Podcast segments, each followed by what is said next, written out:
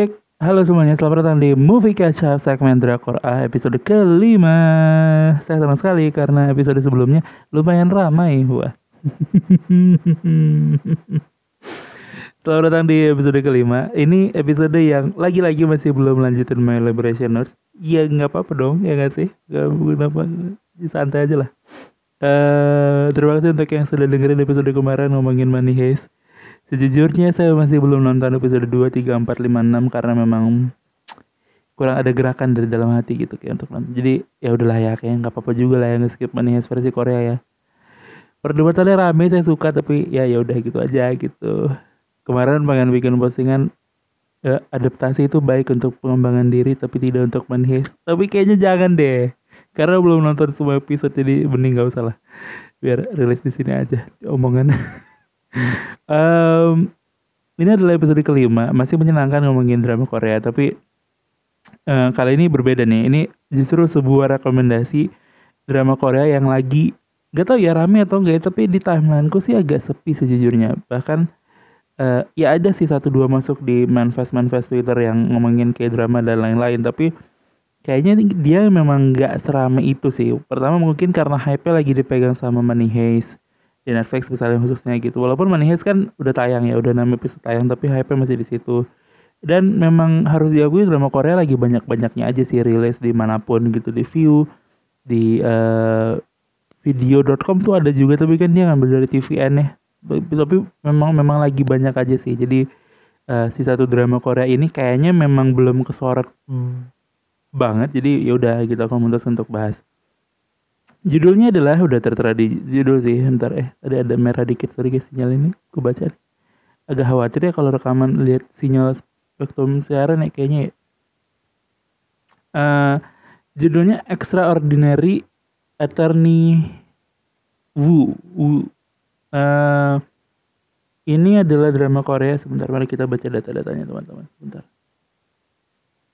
Uh, ini rilisnya baru baru sih memang. Ya memang baru tiga hari sih di gimana mau viral.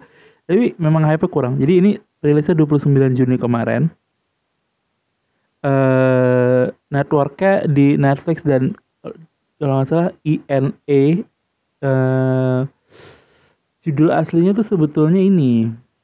Uh, Ye Sang Hen Byeon Hosa Woo Woo. Uh, atau kalau di Inggris kan itu judulnya Strange lawyer Wu Yung Wu. Wu Yung Wu ini nama nama karakter utamanya yang nanti aku jelasin ya. Uh, strange lawyer aku nggak sadar sih ternyata itu itu bisa bisa pakai kata strange ya. Uh, tapi judul versi internasionalnya versi Netflix adalah Extraordinary Attorney Wu. Um, ini sutradaranya Yu In Suk, penulisnya Moon Ji Woon, Netflix dan lain-lain. Uh, tayang setiap ini Sunday, Monday, Tuesday, Wednesday, Wednesday. Kenapa di, di tayang setiap hari Rabu dan Kamis ini ya? Apa sih? Rabu, ya Rabu dan Kamis kayaknya jam 9 malam. Uh, pemainnya ada beberapa nih yang ya aku bacain yang ini aja ya. Ada Park em, Park En Bin, Kang Teo, Kang Kyung, Baek Ji Won, Hayon Kung, Ju Jun Hyuk dan lain-lain ada ada beberapa ada banyak banget sih pemain ini. Uh, ntar kita cek rekamannya masih aman atau enggak. Aman, oke. Okay. Jadi ini kurang lebih bercerita tentang uh, Wu Yung Wu. Tulisannya W O O yang Buddha itu yang Wu W O O. Jadi uh, namanya Wu Yung Wu diperankan oleh Park Eun Bin. Aku penasaran deh Park Eun Bin ini sebelumnya main drama Korea apa ya? Iya itu drama Koreanya adalah The Kings of Actions uh, Stuff Flick. Oh dia iya pantas agak familiar Flick dia main. Terus uh, ada apa lagi ya? Wah ini dia udah dari lama juga nih main nih. Anjir. Dia main 1998 udah main guys.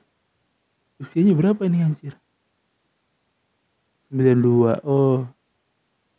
Anjir fotonya beda banget lah dibahas. Kayaknya boleh deh di follow. Lagi September 4 1992 oke. Okay.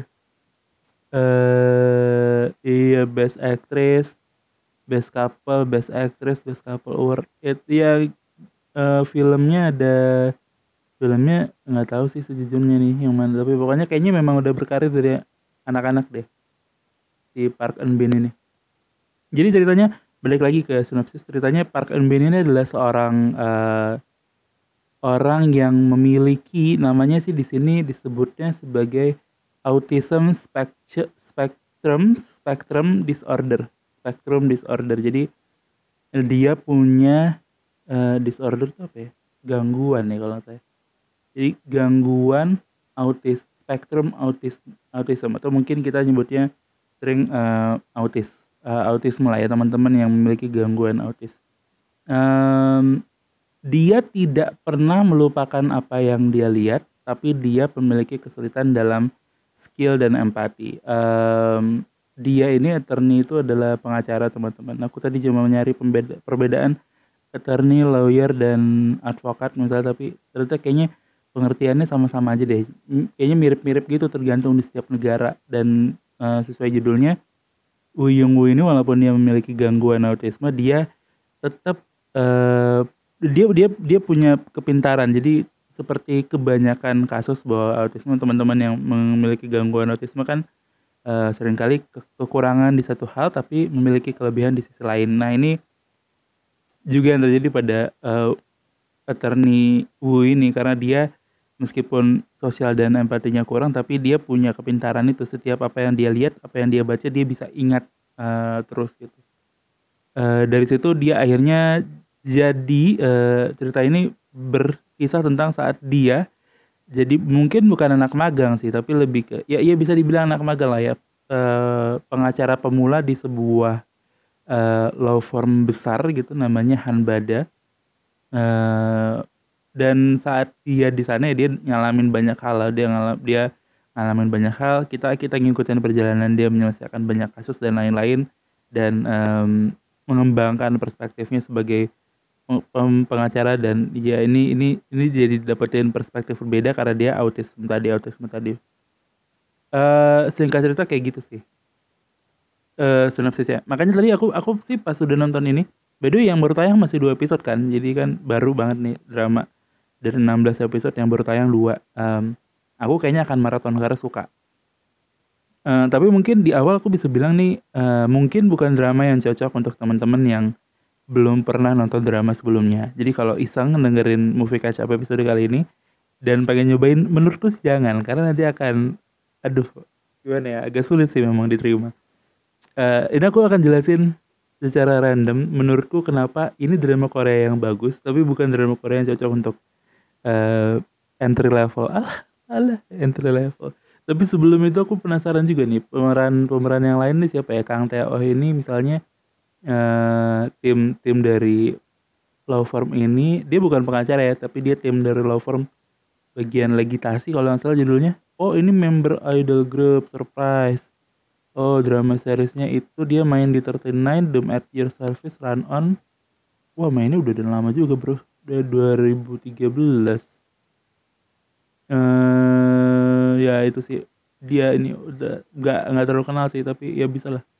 Ini 94. Nah, yang lain sih takutnya kita nggak relate nih kalau bahas satu-satu karakter, tapi kurang lebih eh, ini aku mau jelasin tadi balik lagi ke tadi part bahwa kenapa ini drama Korea yang bagus tapi di satu sisi sebetulnya bukan drama Korea yang cocok untuk teman-teman yang belum belum pernah nonton drama Korea sebelumnya baru mau nyoba nonton pertama kali nonton ini sih kayaknya nggak cocok oke alasannya pertama eh drama Korea ini dimulai dengan eh, sesuatu yang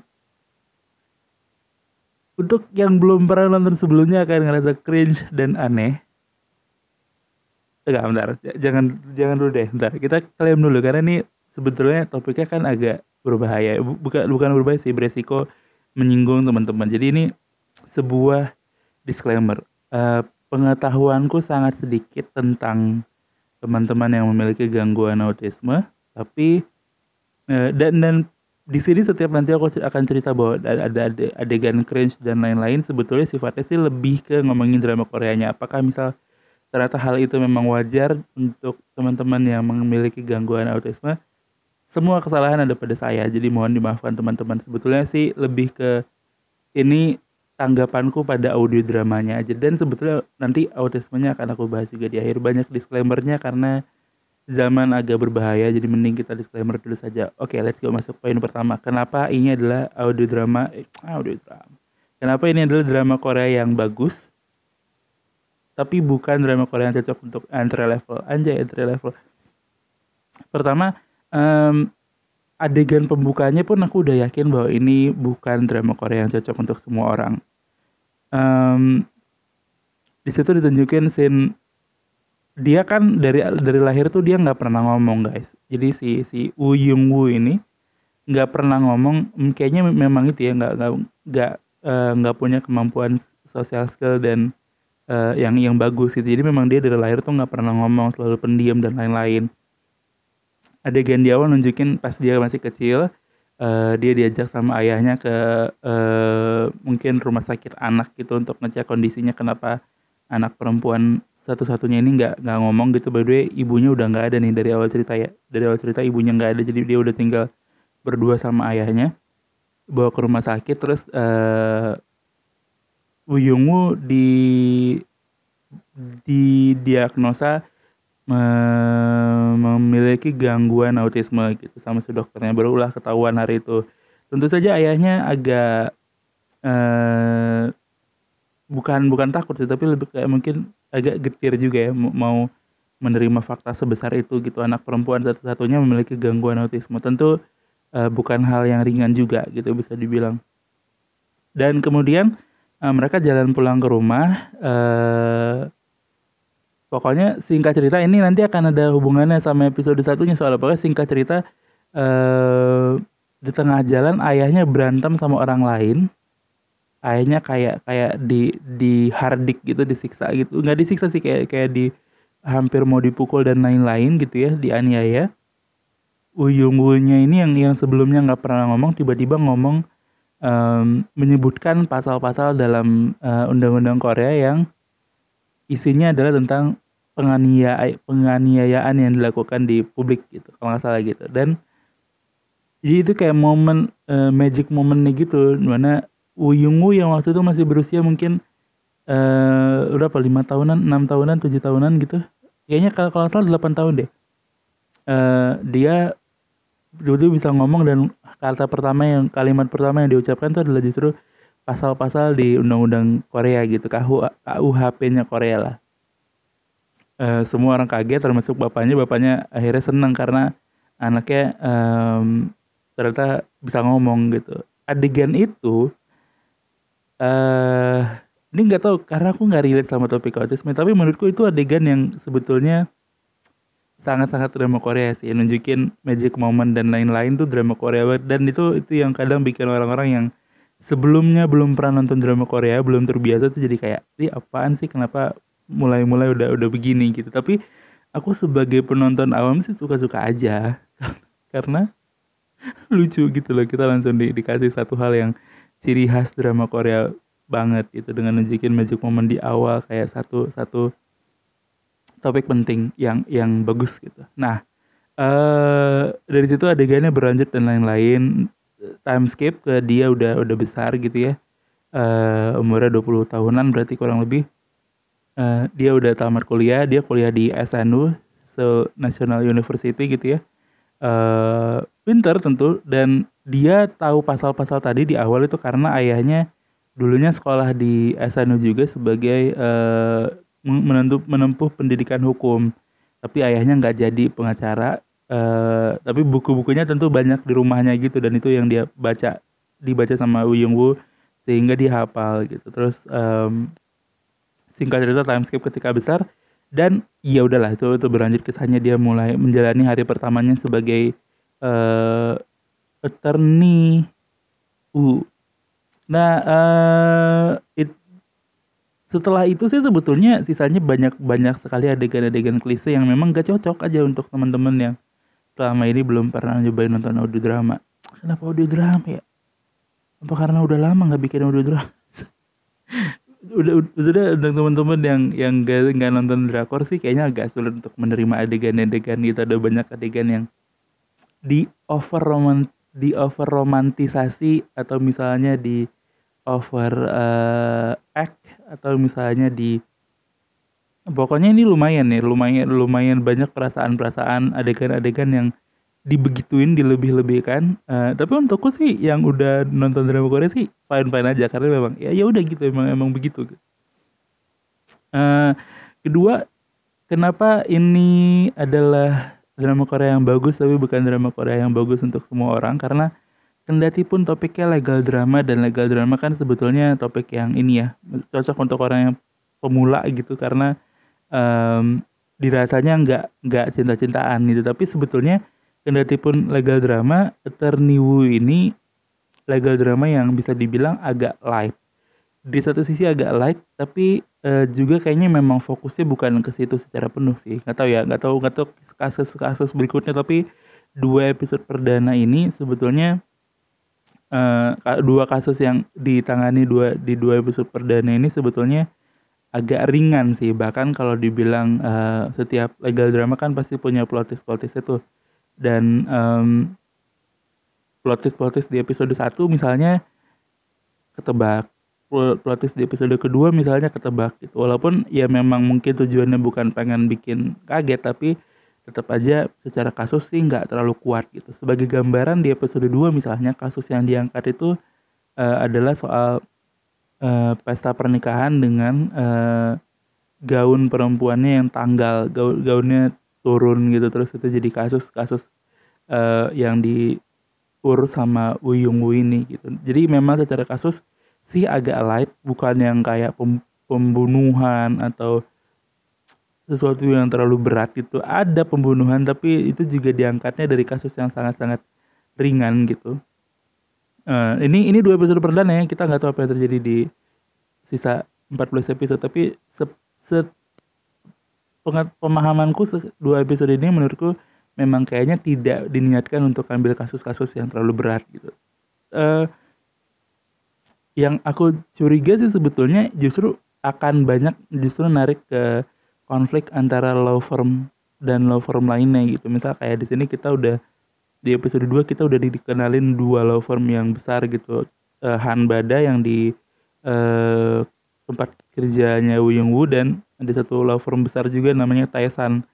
Ini udah mulai akan ada konflik ya kayaknya. Jadi justru justru mungkin alih-alih ramai di konflik persidangan legal drama ini kayaknya akan justru lari ke kontroversi dan cara-cara konspirasi-konspirasi mereka untuk meyakinkan klien dan lain-lain ini kayaknya akan berada di sekitar sana. Jadi bukan drama Korea yang bukan drama legal drama Korea lain yang misal kayak serius bahas persidangan dan lain-lain. Makanya lagi-lagi ini nggak cocok sih sebetulnya untuk yang baru mau mulai nyoba nonton drama Korea. Karena topiknya ringan, jadi bahkan mungkin ada yang kayak lah apaan ini aja jadi topik bisa ada begitunya. Gitu. Apalagi ditambah plot twistnya juga menurutku agak kurang kalau mau disebut bahwa plot twist gitu ya. Uh, dua poin itu bahwa ini ada banyak adegan cringe, uh, sepemahamanku cringe, uh, adegan yang memang di over. Tapi menurutku masih oke. Okay. aku aku sih suka gitu. Sebagai drama Korea sih aku suka. Uh, kedua ini legal drama tapi legal drama bukan yang tipe berat gitu ya. Uh, yang diangkat justru yang ringan-ringan dan uh, yang ditunjukin adalah kemampuan Woo Young Woo untuk untuk menganalisa sesuatu dan ngambil celahnya itu loh dia sebagai pengacara ngambil celah uh, untuk uh, menyelesaikan setiap kasus gitu. Yang diambil justru itu justru kekuatan dalam tanda kutip kekuatan uniknya Uyung Woo yang jadi jadi poin penting dalam drama Korea ini. Makanya mungkin sebetulnya kasusnya sih nggak perlu terlalu besar gitu ya. Uh, tapi nggak tahu kita lihat nanti 14 episode berikutnya akan jadi apa. Uh, sebagai poin penutup sebetulnya alasan kenapa ini juga drama Korea yang bagus tapi bukan drama Korea yang cocok untuk ditonton oleh umum adalah uh, komedinya. Lucu ini drama Korea. Banyak ada beberapa adegan yang aku ketawanya kayak eh, kenapa bisa ke situ? Arah punchline gitu. Ada ada ketawanya tapi ketawanya tuh ketawa-ketawa aneh gitu loh. Nih aku nggak tahu uh, gimana referensi komedinya uh, sutradaranya. Baru kita lihat deh sutradaranya sebelumnya pernah bikin apa uh, aku nggak tahu sebelumnya dia maksudnya gimana cara dia bikin komedinya tapi menurutku komedinya sih agak kocak gitu loh.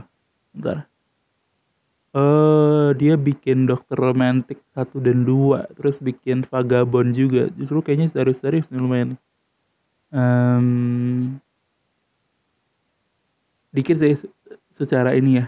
Uh, tapi ya gitulah jadi balik lagi ke tadi komedinya. Komedinya lucu lucu. Tapi tapi komedinya suka keluar jalur tiba-tiba jadi agak absurd. Dan itu biasanya juga jadi keluhan teman-teman yang menonton audio audio drama. Yang menonton drama Korea tuh kayak dia apaan nih? Komedinya absurd? Terus tiba-tiba keluar jalur dan uh, ngambil dari sisi yang berbeda gitu sementara untuk saya yang sudah lumayan sering nonton drama Korea sih ini komedi yang lucu dan dan beda dan seru aja gitu ngelihat ngelihat Woo Young Woo uh, bisa ada adegan ini ini salah satu gambaran scene komedinya. Jadi Woo Young Woo pertama kali sidang gitu ya terus um, kan sama hakimnya tuh dipanggil gitu di absen gitu kan. Gimana uh, jaksa hadir terus jaksanya hadir um, terus pengacara uh, terdakwa hadir gitu terus Wuyungunya diam gitu. Dia dia bingung kayak dia dia masih gamang gitu kan belum pernah jadi pengacara nih kasus pertama. Uh, dia disuruh ngomong jadi dia bingung gitu kayak dia diem lumayan lama sampai akhirnya temen uh, koleganya sesama pengacara yang juga ada di sebelahnya gitu itu ngeliatin dia terus kayak karena hakim udah manggil dua tiga kali terus dia kayak temennya itu kayak hadir. Itu pura-pura jadi si Boyongwu padahal kan salah padahal kan dia cowok ya tapi dia pura-pura ngelihat Wuyung Wu gitu supaya bibirnya nggak kelihatan ngomong terus ya Wuyung Wu hadir gitu. Banyak yang kesel pasti tapi aku sih suka-suka aja karena tadi eh, ini sesuatu yang baru lagi lah. Gak, gak baru tapi udah lama nggak ketemu aja kayaknya aku. Tapi sisanya sih ini seru sih. Akan seru akan seru. Dan ada ada komedi uh, dia dengan pertemanannya juga seru sih ya. Dia ada ada pertemanan yang mungkin itu akan jadi plot yang berbeda lagi tapi itu juga cukup seru. Jadi um, kesimpulan aja nggak perlu lama-lama sih. Ini drama Korea yang aku akan nonton terus episode 1, 2, 3, 4, 5, 6, 7, 8, 9, 10 sampai 12 sampai 16 gitu ya. Um, ya janjinya sih gitu aja dulu tapi nggak tahu siapa nanti nanti episode 3 jelek kan kita nggak tahu ya males dan lain-lain. Uh, ini aku akan nonton dan kalau kalian suka dan udah terbiasa sama nonton drama Korea mungkin ini bisa jadi salah satu rekomendasi yang kita bisa ikuti sama-sama. Jadi um, silahkan tonton di Netflix jangan di Telegram lagi-lagi. Um, kita ketemu lagi di mungkin eh, minggu depan untuk ngomongin episode 3 dan 4 nya uh, extraordinary Wu, Wu ini Attorney Wu um, tapi akan ada episode-episode yang ngomongin hal yang lain sih sebelum ini. Ya begitulah. Udah ketemu aja lah. Ya sampai jumpa. Dadah. Terima kasih sudah mendengarkan. Um, sekali lagi jangan lupa nonton Extraordinary Wu Yung Wu dadah